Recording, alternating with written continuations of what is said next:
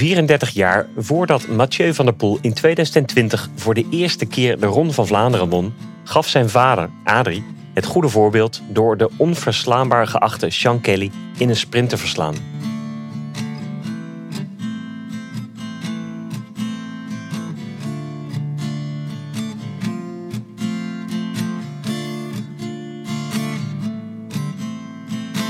Welkom bij een nieuwe aflevering van Chronieken, een podcast met historische wielerverhalen van Eurosport. In deze aflevering gaan we aan de vooravond van Vlaanderens mooiste terug naar de overwinning van die andere van der Poel, Adrie, en hoe hij de machtige Ier wist te kloppen.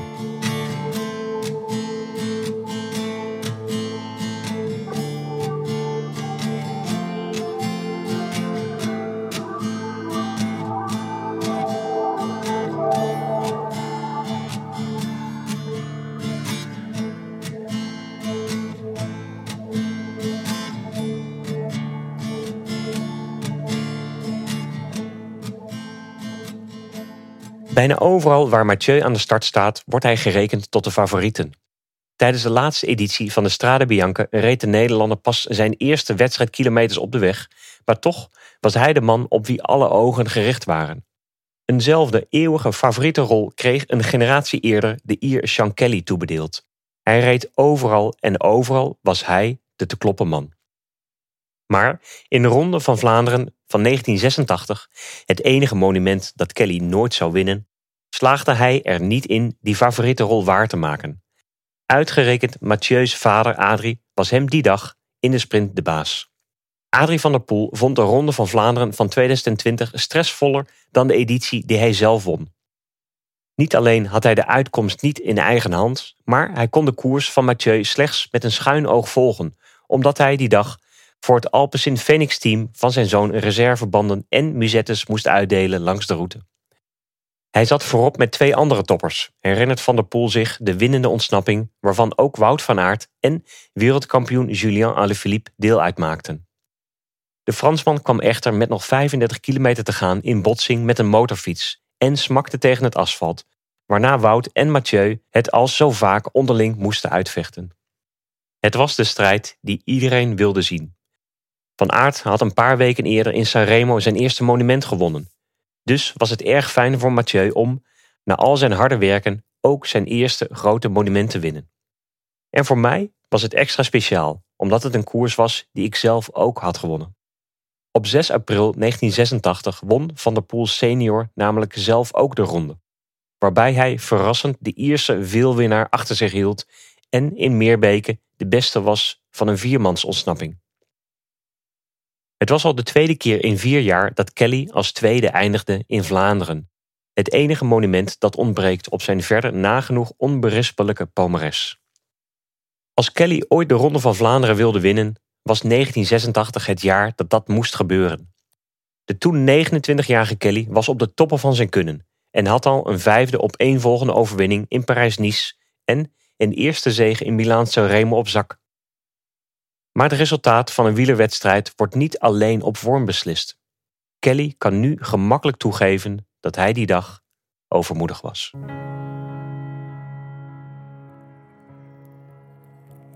Adrie van der Poel was dat jaar ook in goede doen, maar grote overwinningen bleven aanvankelijk uit. Nadat hij een seizoen eerder de zegens aan één reeg, stond hij zonder overwinningen aan de start van het Vlaamse voorjaar. Al eindigde Adrie wel keer op keer bij de eerste tien. Bijvoorbeeld in Milaan Sanremo en de Driedaagse van de Pannen. Maar de zoete smaak van een overwinning ontbrak nog. In 1986 was ik in alle koersen goed, maar ik behaalde geen overwinningen, herinnert hij zich. Dus het was een kwestie van duimen en wachten op de eerste overwinning. Van der Poel reed voor het Nederlandse Quantum Halle team. Hij was misschien geen Sean Kelly, maar won naast het WK veldrijden en de nationale titel op de weg toch ook drie klassiekers. Amstel Gold Race in 1990, Luik Bastenaken Luik in 1980 en dus deze Ronde van Vlaanderen in 1986. In hetzelfde jaar van zijn winst in Vlaanderen belandde Van der Poel met een derde plek ook op het podium van Parijs-Roubaix. Veelzijdigheid is blijkbaar een familietrekje in Huizen van der Poel. Waarvan de polsteller van overwinningen in een monument in 1986 nog op nul stond, begon Kelly aan de 70ste editie van de Vlaamse Hoogmis met vijf gewonnen monumenten achter zijn naam. Hij won Lombardije al twee keer en Roubaix, Luik en Sanremo allemaal eenmaal. Die laatste had hij slechts een paar weken eerder voor het eerst aan zijn erelijst toegevoegd. Toen hij Greg LeMond en Mario Becchia op de Via Roma te slim af was. Van der Poel kwam daarin in de achtervolgende groep als zevende over de streep op 23 seconden. Sinds zijn overwinning aan de Italiaanse Riviera had Kelly een vol programma afgewerkt. Daarin was hij tweede geworden in zowel het Criterium Internationaal als de driedaagse van de Pannen, voordat hij zijn Spaanse sponsor Cas tevreden hield met een eindoverwinning in de ronde van het Baskeland. Kelly was een renner van een uitstervend soort. Net als kannibaal Eddy Merckx jaren eerder reed hij vrijwel elke koers om te winnen. Ondanks dat hij in 1986 bijzonder veel hooi op zijn vork nam, hij reed wat hij later zou omschrijven als een krankzinnig schema, zou de Ier in dat seizoen meer dan 30 overwinningen behalen. Dat schema was grotendeels bepaald door zijn trouwe manager Jean de Gribaldi, wiens beroemde mantra luidde: Als je niet koerst, moet je trainen, dus je kunt net zo goed koersen. Deze meedogenloze filosofie hielp Kelly een van de bepalende renners van de jaren 80 te worden. Een veelzijdig renner die in staat was om zowel monumenten als grote rondes te winnen. De Gribaldi was niet de enige verantwoordelijke voor Kelly's drukke koersschema. Drie van zijn meest succesvolle jaren reed Kelly voor Cas, de Spaanse frisdrankproducent die als hoofdsponsor van het team de plaats innam van Skill. Kelly's hart lag misschien bij de kasseiklassiekers, maar het bedrijf dat zijn salaris betaalde was meer geïnteresseerd in hun naamsbekendheid in Spanje en liet hem dus vaak daar koersen. Kelly gaf in zijn autobiografie Hunger openheid van zaken.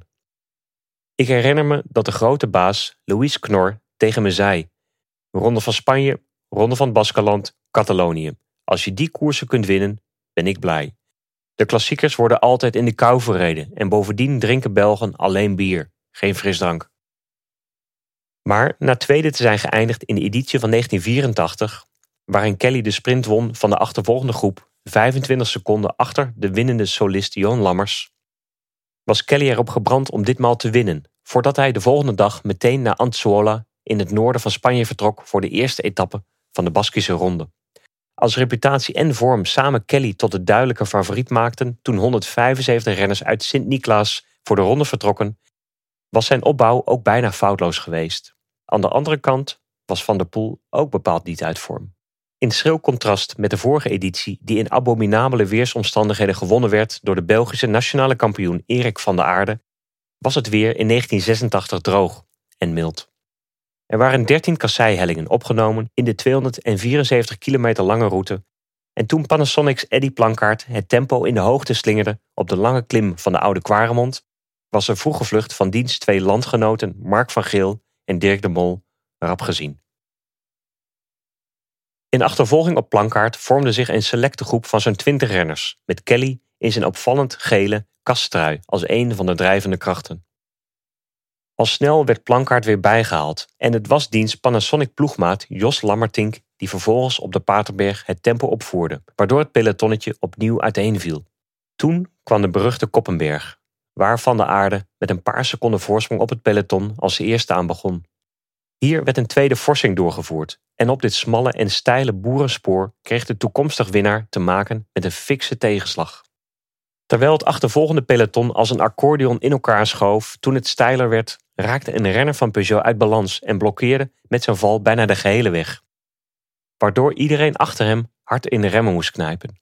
Een handvol renners wist om het obstakel heen te sturen, maar Van der Poel was een van de grote namen die aan de verkeerde kant van de ongelukkige Peugeot-renner belandde. Met het getrek en geduw dat daarop ontstond, had de Ronde van Vlaanderen voor even iets weg van een veldrit op de Koppenberg. Ik kon niet meer op de fiets komen, dus ik moest de klim al rennend afmaken, herinnert Van der Poel zich. Dit gebeurde allemaal net op het moment dat Plankaart en Kelly de achtervolging inzetten op Van der Aarde. In hun zog volgden renners als Mark Sergeant, Steve Bauer, Johan van der Velde en Greg LeMond, de jonge Amerikaan die een jaar daarvoor zowel de Tour de France als het WK als tweede had afgesloten. De eerste informatie die we een paar kilometer later kregen, was dat er een groep van tien renners voorop reed. Tien goede renners, zegt Van der Poel. Die in het peloton reed met onder andere Henny Kuiper, de winnaar van 1981, drievoudig Parijs-Roubaix-winnaar Francesco Moser en tweevoudig Tour de France-winnaar Laurent Fignon, die tien dagen later de Flèche Wallonne zou winnen. Met drie renners van Panasonic, Van der Aarden, Van der Velde en Plankaart en twee sterren van La Vie Claire in Bauer en Le Mans kende de kopgroep twee sterke blokken.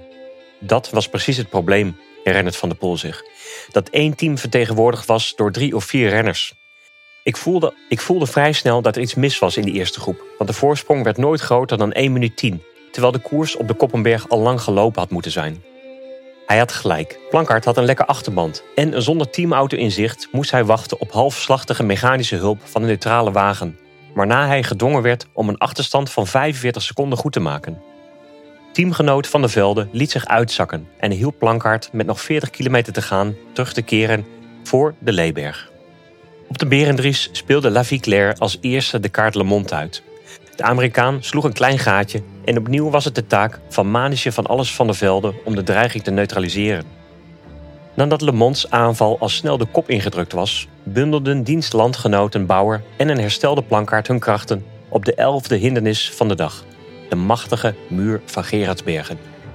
Het was op deze mythische klim naar de kapel waar de eerdere inspanning hun tol eiste, op de vermoeide benen van Plankaart, die de hele dag een onmogelijk zwaar verzet trapte. Bauer reed weg van de fysiek bankroute plankaart en kwam met een mooie marge van 50 seconden op de achtervolgers over de top. Kelly leidde de achtervolging, nadat de rest van de kopgroep door de peloton was opgeveegd. Bauer behield op de Bosberg, de laatste test van de dag, een voorsprong van 40 seconden. En toen Plankaart eenmaal was bijgehaald, testen enkele renners in de achtergrond hun krachten. Niet alleen Kelly en de volhardende Le Monde lieten zich zien, maar ook de voormalige wereldkampioen Claude Criquelion en zijn Hitachi-teamgenoot Jean-Philippe van der Brande. Daarnaast begon Adrie van der Poel zich ook iets vaker in de debatten te mengen, nadat de Nederlander zich tot dusver wat had weggestoken sinds zijn voettocht op de Koppenberg. Kelly en Van der Brande raakten uiteindelijk met z'n tweeën weg en naderden al snel de Canadese vluchter. Na de muur van Gerardsbergen was er een kleine groep vooraan met Kelly, Bauer en Van der Brande, herinnert Van der Poel zich. Ik denk dat ik met nog ongeveer 8 tot 10 kilometer te gaan de enige was die het gat kon dichten. Oftewel, ik was daarachter de sterkste. Van der Poel had zich inderdaad net bij Kelly en Van den Branden gevoegd. Toen dit trio met het bijhalen van Bauer op 7 kilometer van de meet een leidend kwartet werd. Het grote aantal kleppers achter hen betekende dat er geen moment van rust was voor de leiders. Geen kans om kat-en-muisspelletjes te spelen op weg naar de finish. Maar het werd ook steeds duidelijker dat een van deze vier die middag voor het eerst in hun carrière de Ronde van Vlaanderen zou winnen. Hoewel het hier om de enige grote scalp ging die Kelly tot nu toe was ontglipt, hinkte hij naar eigen zeggen in die finale op twee gedachten. Met een schuine oog keek hij namelijk ook al naar Parijs-Roubaix van een week later. In zijn autobiografie Hunger geeft Kelly toe dat hij aanbood om Van der Poel te helpen in ruil voor een wederdienst van de Nederlander op de kasseien van Noord-Frankrijk. Niet alleen snakte de Nederlander zelf naar een overwinning, een zege in Vlaanderen zou zijn team, de Nederlandse doe-het-zelf keten Quantum, meer waard zijn dan één in Roubaix. Het tussen de twee gesloten pact leek lange tijd van weinig belang, aangezien Kelly in de kopgroep reed en Van der Poel na het oponthoud op de Koppenberg op achterstand rondfietste maar plots deed hij toch weer ter zake toen de twee mannen zichzelf in het leidende kwartet terugvonden en de finish naderden. Kelly deed in ieder geval opvallend veel kopwerk voor iemand die de duidelijke favoriet was. Desalniettemin benadrukte Kelly in Hunger ook dat beide renners 100% gaven toen de laatste sprint begon. Het was een van de edities dat ik me echt goed voelde in die finale van de Ronde van Vlaanderen. Ik herinner me dat ik met nog 25 kilometer te gaan toen de kopgroep zich vormde met Van der Poel sprak en dat we overeenkwamen om samen te rijden en te zien wat er zou gebeuren. Van der Poel was op zijn beurt twee keer opgelucht. Eerst omdat hij erin slaagde het gat op Kelly en Van der Branden te dichten en ten tweede omdat daarna al snel Bauer werd ingehaald.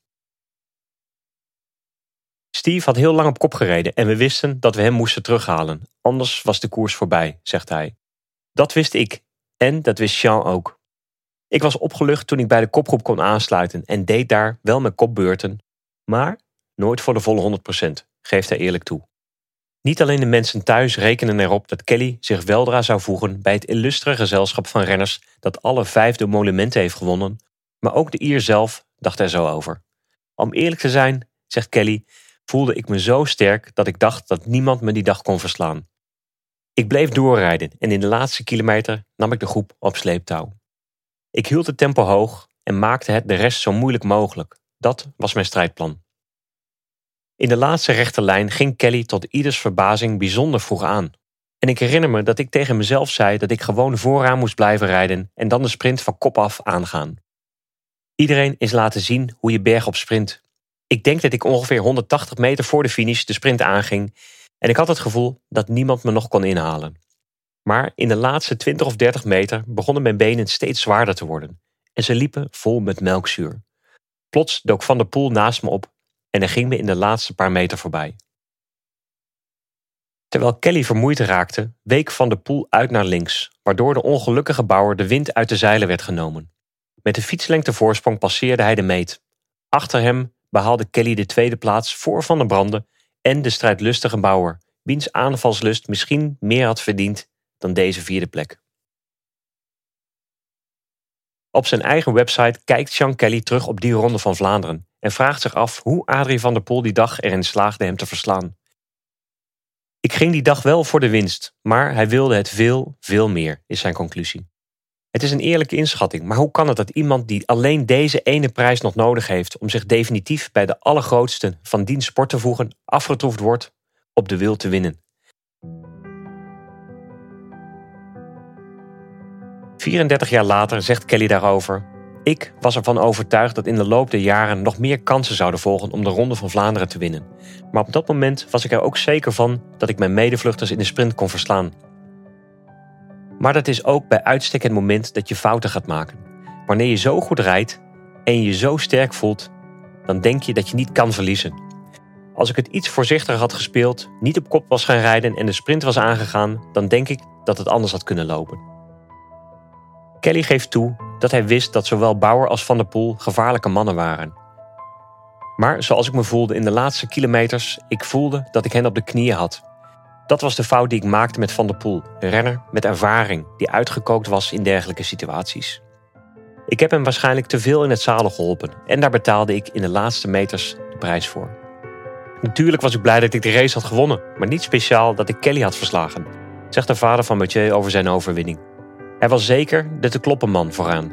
Maar ik denk dat Chance enige fout die dag, vooral in die finale, was dat hij er zo zeker van was dat hij ons drie zou verslaan. Natuurlijk was Kelly teleurgesteld, gaat Van der Poel verder.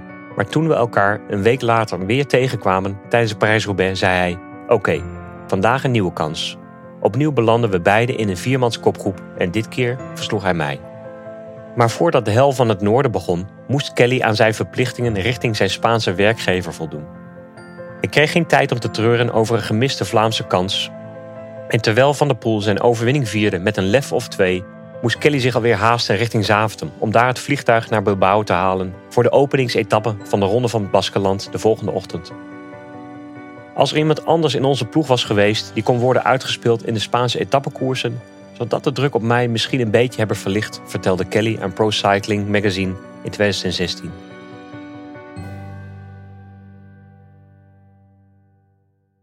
Gezien zijn zondagse inspanningen in Vlaanderen kan je het Kelly nauwelijks kwalijk nemen dat hij in de openingsetappe wat vermoeid was en pas als achtste eindigde.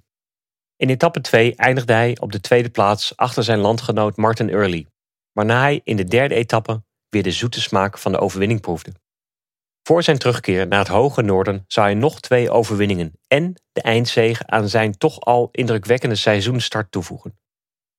Een vlucht terug naar België en een korte autorit naar Compiègne betekenden dat koning Kelly daarna de koningin der klassiekers kon rijden. In druilige omstandigheden reed een kwartet bestaande uit Kelly, Van der Poel, Rudy Danens en Ferdy van de Houten gezamenlijk Roubaix binnen. Waar de streep voor het eerst sinds 1943 niet in het velodroom was getrokken, maar op de stoep van de plaatselijke kledingfabriek La Redoute. Nadat Van der Poel meerdere uitvallen van de twee Belgen had moeten neutraliseren, was het een koud kunstje voor de Ier om dit keer zijn rivaal in de laatste rechte lijn voorbij te steken en zijn zesde van uiteindelijk negen zegens in een monument op te eisen. Voor mij was het altijd beter om tweede of derde te zijn achter Kelly dan een renner als Van den Houten, vertelt Van der Poel drie decennia later aan Pro Cycling. Om maar aan te geven hoe uniek de verscheidenheid aan zegens van Kelly was. In al die jaren voor en na hem slaagden slechts twee andere renners erin om zowel La Primavera als de Hel van het Noorden te winnen. De Belg Cyril van Houwaard in 1908 en John Degenkolb meer dan 100 jaar later. Had Kelly ook de Ronde van Vlaanderen weten te winnen, dan zou dat hem een ongekende triple hebben bezorgd. En met de Belgen Rick van Looy, Eddy Merckx en Roger de Vlaming zou de Ier dan de enige zijn met alle vijf de monumenten op zijn naam. Kelly kende in 1986 al met al een ongekend seizoen. Hij won dus Milaan Sanremo en Parijs-Roubaix, maar ook Parijs-Nice, het puntenklassement in de Vuelta, waar hij ook nog eens derde eindigde in het eindklassement, de Ronde van het Baskeland, de Ronde van Catalonië en zijn eigen thuiskoers de Ronde van Ierland. Er werd onder meer tweede in de driedaagse de Pannen, het Criterium Internationaal, Parijs-Brussel, de Ronde van Lombardije en dus de Ronde van Vlaanderen. Daarmee lijken zijn vijfde plek op het WK en in de Waalse pijl zelfs tegenvallende prestaties. Door Kelly's alomtegenwoordigheid en diens veelzijdige talent waren de ogen van zijn collega's altijd om hem gericht. Erik van der Aarde zei daarover tegen Pro Cycling: Als je destijds wilde winnen, moest je beter zijn dan Sean Kelly, omdat hij altijd op de afspraak was. Hij stak zichzelf nooit weg. Als je in een ontsnapping met hem terechtkwam, reed hij mee. Hij keek niet om zich heen om te zien wie er mee zaten. Hoewel bij Kelly's seizoen die van alle anderen verbleken, zijn de prestaties van dat jaar van de altijd wat onderschatten van de pool ook niet mis.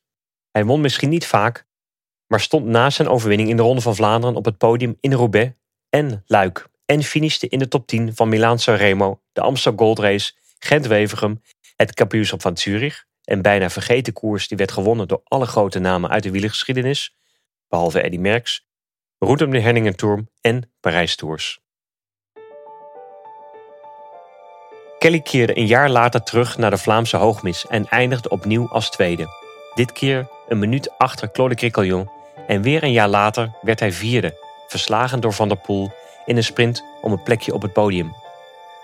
Was zijn eerdere verloren sprint tegen Van der Poel achteraf zijn beste kans geweest om de enige grote klassiekers te winnen die hem altijd zal blijven ontglippen?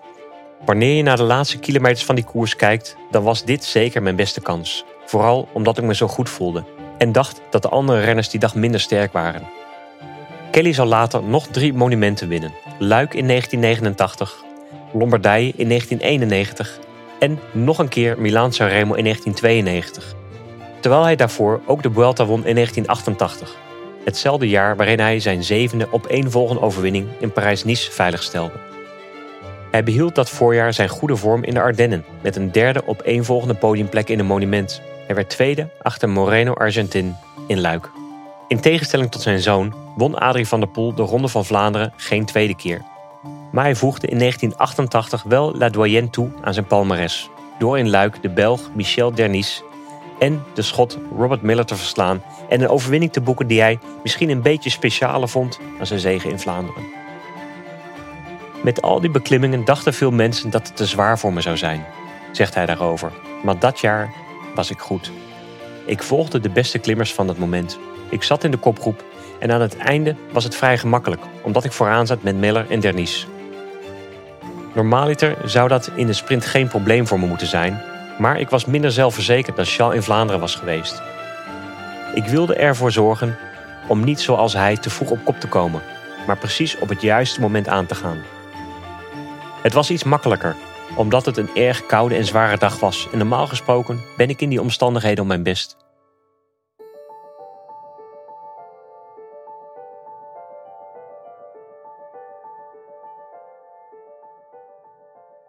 Als ik in een positie kwam om een grote koers te winnen, dan won ik die koers vaak ook. Voor mij was het erg speciaal om Luik Bastenaken Luik te winnen. De overwinning op zijn eeuwige Belgische rivaal in die nek-aan-nek sprint maakte Van der Van der Poels het eerste vader- en zoon duo dat een zelden monument won. En als de overwinning van de inmiddels overleden Raymond Poulidor in Milaan-San Remo, de schoonvader van Adrie, en de grootvader van Mathieu meerekent, dan heb je drie generaties monumentwinnaars. Vader en zoon die dezelfde race winnen is iets speciaals, zegt Adrie. We hebben ook allebei de Amsterdam Gold Race gewonnen. Er zijn nog steeds enkele koersen die ik heb gewonnen en hij nog niet. Maar hij zal zeker veel meer koersen winnen die ik niet heb gewonnen. Op die groeiende erelijst staan inmiddels ook de Brabantse Pel, Gent-Wevelgem, etappenzegers in zowel de Tour als de Giro en de Italiaanse koers Strade Bianche, die door velen gezien wordt als een mogelijk zesde monument en die Adrie nooit kon winnen omdat die koers in zijn tijd simpelweg nog niet bestond. Kelly vond het geweldig om te zien hoe Mathieu, de zoon van zijn goede vriend Adrie, de Ronde van Vlaanderen won en daarmee misschien wel de eerste van een waslijst aan monumenten op zijn naam schreef. En hij deed het nog wel op de manier waarop de Ier het al die jaren eerder had geprobeerd. Van kop af aan. Het was geweldig om Mathieu van der Poel vorig jaar te zien winnen en in de voetsporen van zijn vader te zien treden. Maar het maakt het voor mij niet gemakkelijker, betreurt Kelly. Een overwinning in Vlaanderen zou een grote leemte op zijn palmares hebben ingevuld. Maar er was nog een eendaagse koers die koning Kelly altijd zal ontglippen. Degene die hem het voorrecht zou geven een jaar de regenboogtrui te dragen. Als ik had moeten kiezen tussen de Ronde van Vlaanderen en het wereldkampioenschap, zou ik voor het wereldkampioenschap zijn gegaan, zegt hij. Iedereen wil daar winnen. Maar de Ronde van Vlaanderen is een monument en de enige die ontbreekt op mijn erelijst. Dat is zeker degene die het meest pijn doet. Want ik was goed genoeg om te winnen, sowieso één keer, maar misschien wel vaker.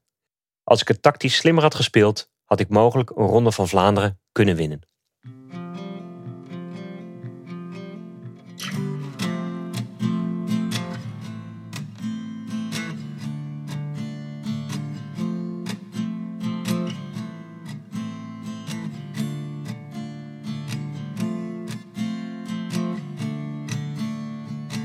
Chronieken is een podcast van Eurosport, geschreven door Felix Low en verteld door mij, Karsten Kroon. Bewerking en eindredactie zijn van Sander Grasman en productie door Fabian Collau. Meer stukjes wielenhistorie door Felix zijn te vinden op Twitter via @saddleblaze. Als je mij wilt volgen, kan dat via @karstenkroon op Twitter. Eurosport volg je via @eurosport_nl. Bovendien vind je ons op Instagram en Facebook. Alle afleveringen van Chronieken zijn ook te lezen als artikel op eurosport.nl. Dit was de vierde aflevering van het derde seizoen. Dus als je hebt genoten van deze etappe uit de wielergeschiedenis, meld je dan aan, vertel het door en beoordeel ons bij jouw podcastaanbieder. Tot de volgende keer, als we onze blik richten op de laatste Parijs-Roubaix van Johan Museeuw en hoe een Zweed er toen met de winst vandoor ging.